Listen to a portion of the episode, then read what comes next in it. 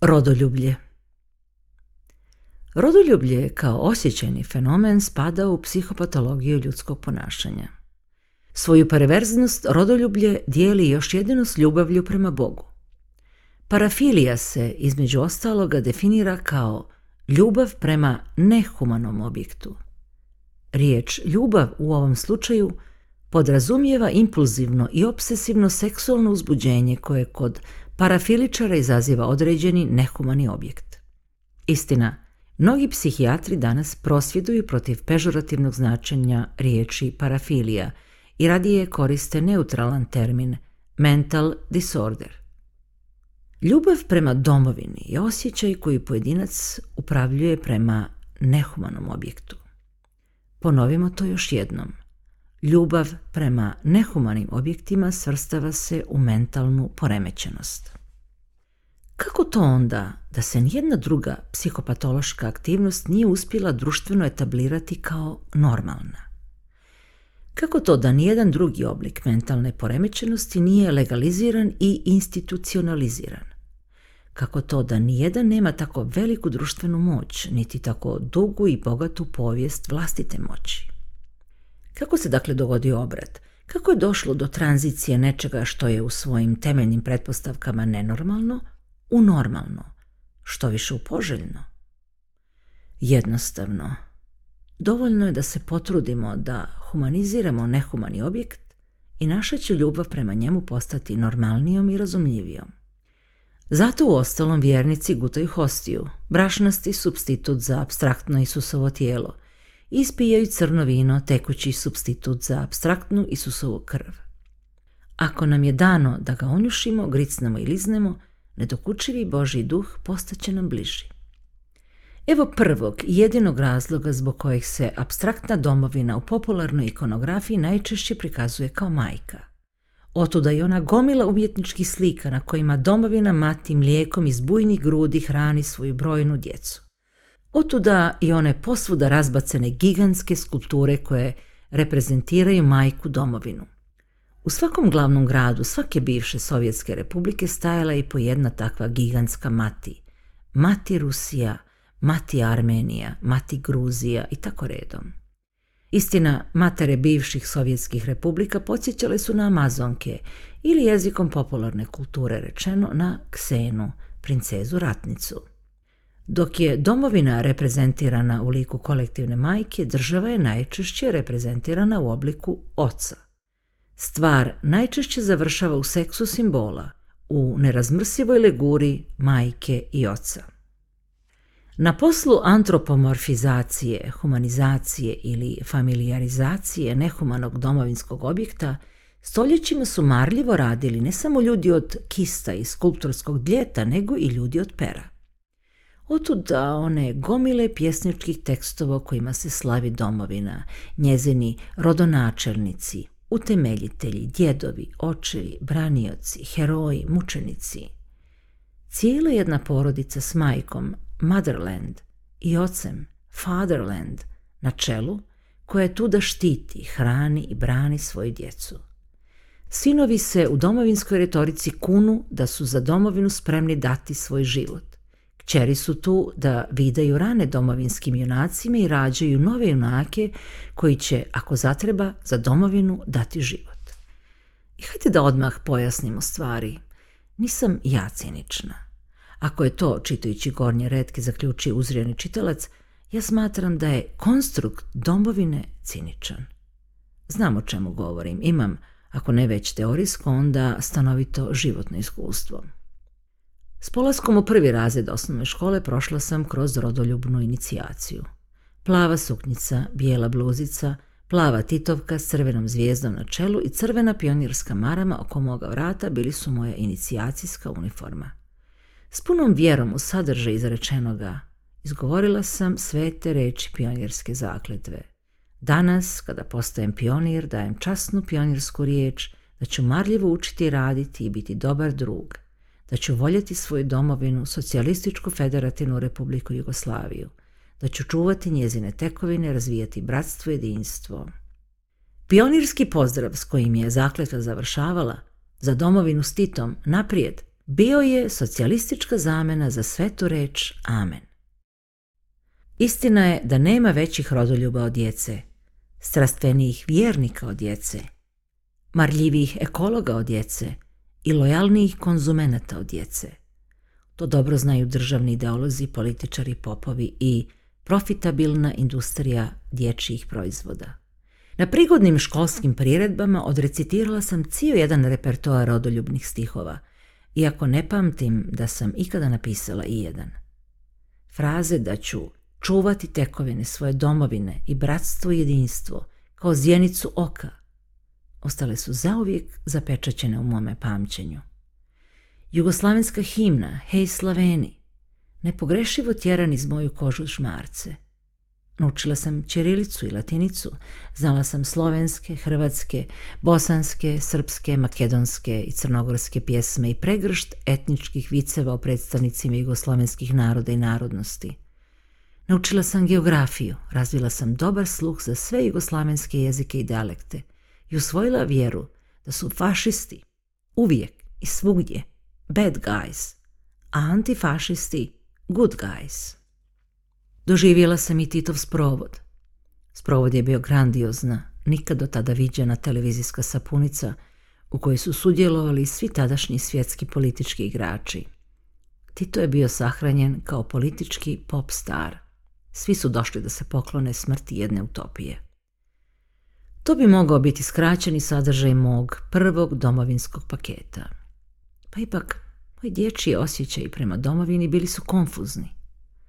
Moja mama imala drugačiju domovinu od moje. Prvi susret s njezinom domovinom i drugim jezikom, a imala sam tada sedam godina, otvorio je zbunjujuću mogućnost da njih, domovina, ima mnogo, kao i to da su domovine zamjenjive. Moja mama imala dvije, jednu koja se rodila i rasla i drugu koju je izabrala zbog ljubavi. Ljubavi prema domovini? Ne, već zbog ljubavi prema mome ocu. A i dijete, buduća ja, bilo je na putu.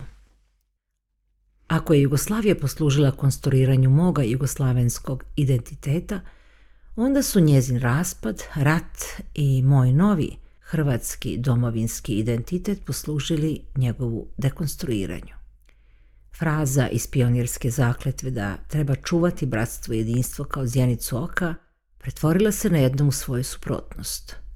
U zmiju koja proždire vlastiti rep, u zloguku omču, u vješalo na kojem su visjeli mnogi vratovi, u bič za bičevanje bivše braće, u srebrni metak koji je raznio vampirsko srce federativne Jugoslavije.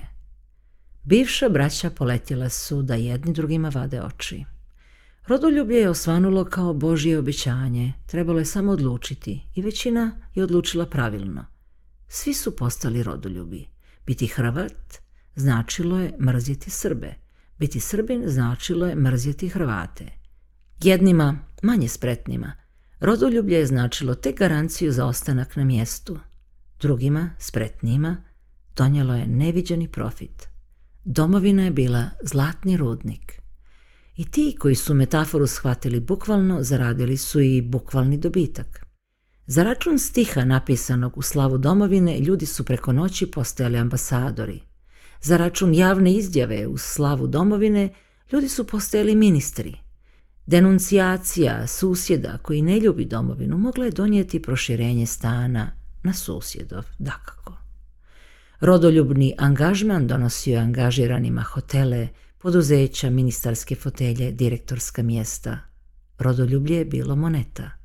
Cijele tvornice mogle su se kupiti za toplu, rodoljubnu riječ. Dovoljno je bilo da polože ruku na vlastite grudi u predjelu srca, puste suzu, zapjevaju himnu, prokunu neprijatelja i gle, ljudi su postajali politički moćnici. Netko direktor televizije, netko šef bolnice, netko ambasador u Maleziji, netko u Washingtonu. Žabe su se preko noći pretvarale u princeze. Ljudi su shvatili da se takva šansa dobije samo jednom i jurnuli su da se udvaraju domovini. Ulog je bio ništavan, a dobitak ogroman. Zahvaljujući magičnoj moći rodoljublja, ljudi bez diploma postojali su profesori na fakultetima – Javni mislioci koji sude o svemu i svačemu, lokalne zvijezde, poželjni ljubavnici, vlasnici vila s bazenima. Teško je bilo odoljeti rodoljublju. Rodoljublje je djelovalo poput viagre. Rodoljublje je bilo poput magične košulje, te koje u bajkama štiti junaka od svakoga zla, donosi junaku pobjedu nad zmajem, lijepu princezu, kraljevstvo i krunu. Istina, neki su u trci za rodoljubljim zlatom, braneći domovinsku čast, izgubili živote. Zato su preživjeli branioci domovinske časti izdašno nagrađeni. Što se mene tiče, ja sam odbila da sudjelujem u zlatnoj domovinskoj groznici. Istina, nitko me nije ni zvao. I konsekventno tome nisam dobila ništa. Što više, domovina me kaznila zbog javno iskazanog deficita rodoljublja. Moj treći inicijacijski domovinski paket nema sadržaja. U njemu zapravo gotovo da nema ničega. Tu je pasuš i porezni broj. Moja nova domovina ne traži od mene ljubav. Niti mi obećava da će me voljeti. Nemamo međusobnih iluzija oko ljubavnog pitanja. Kažu da od nedavno novi državljani nizozemske prolaze kroz skromnu inicijaciju pri čemu osim pasoša dobijaju na poklon delfski keramički krumpir. Ja sam dobila pasoš bez krumpira. Pa ipak za razliku od prve dvije za moju novu zemlju veže me izbor. Moja nova zemlja bila je moj izbor. Sama činjenica da sam je izabrala izaziva meni osjećaj odgovornosti. Ponekad, obično prilikom slijetanja, kada ugledam tlo svoje nove domovine onako tanko i priljubljeno uz more, osjetim nejasnu simpatiju. I tada u mislima prislanjam svoj prst u rupu u nasipu da bih je spasilo od imaginarne poplave. U amazonskim šumama postoje ptičice koje zovu arhitektima. Kad dođe vrijeme parenja, mužjaci krenu u gradnju gnjezda – Mužjaci arhitekti pokazuju zapanjujuću inventivnost. Grade gnjezda različitih oblika, ukrašavaju ih šumskim bobicama, percima, lišćem. Svako gnjezdo je malo arhitektonsko remek dijelo. Zatim se pojavljuje ženka, koja pomno vrši inspekciju svakoga gnjezda. Ženka na kraju odabire jedno gnjezdo. Izabrani arhitekt ima pravo na parenje, ili drugim riječima na produženje vrste – tako bi u nekom idealnom svijetu trebalo biti sa domovinama. Kao s gnjezdima. U svaku bismo najprije trebali zaviriti, procijeniti i ocijeniti, a onda se odlučiti za najbolju. Domovine bi se trebale oglašavati kao turističke destinacije, što mnoge zemlje i čine. Hrvatsku su sami Hrvati proglasili rajem na zemlji i malom zemljom za veliki odmor. Turističke agencije naravno lažu. Uplatite hotel s pet zvjezdica, tamo vas dočeka klimavi krevet, tuš koji ne radi i bazen iz kojeg ćete za uspomenu ponijeti gljivice. Mnoge države su lukave. Znaju da bi im sloboda izbora mogla naškoditi, pa su izmislile zakone, vize, pasoše, cijel sistem otežavajućih okolnosti koji ne dopušta slobodnu inspekciju i slobodan izbor. Tako mnoge države pretvaraju svoje građane u taoce. Tako se i većina nas, građana, pari u gnjezdu u kojem smo se zatekli. Što više u tome pronalazimo vlastitu veličinu, posebnost, identitet, snagu i slavnu povijest. Gle, u istom gnjezdu parili su se naši roditelji, djedovi i pradjedovi. Nalazimo perverzno zadovoljstvo u tome da će se u istom gnjezdu pariti naša djeca. Cvrkućemo, izmišljamo legendu o tome kako je naše ujedno i najljepše gnjezdo na svijetu. Prisiljavamo sebe i druge oko nas da vole naše gnjezdo. Proglašavamo susjedna gnjezda prljavim i neprijateljskim. Ukrašavamo svoje gnjezdo grbovima i zastavama, ograđujemo ga žicom, razvijemo prema njemu ljubav. Prisiljavamo djecu da ga vole, spremni smo da ga branimo do smrti. Na pitanje što je komunizam, jedno je dijete odgovorilo. Ja nemam komunizam jer redovito pijem mlijeko. Na pitanje što je to rodoljublje, isprava malko zastajkujem baš kao da dvojim što ću odgovoriti, iako odgovor znam. Ja nemam rodoljublje jer redovito pijem mlijeko. Veljača 2010.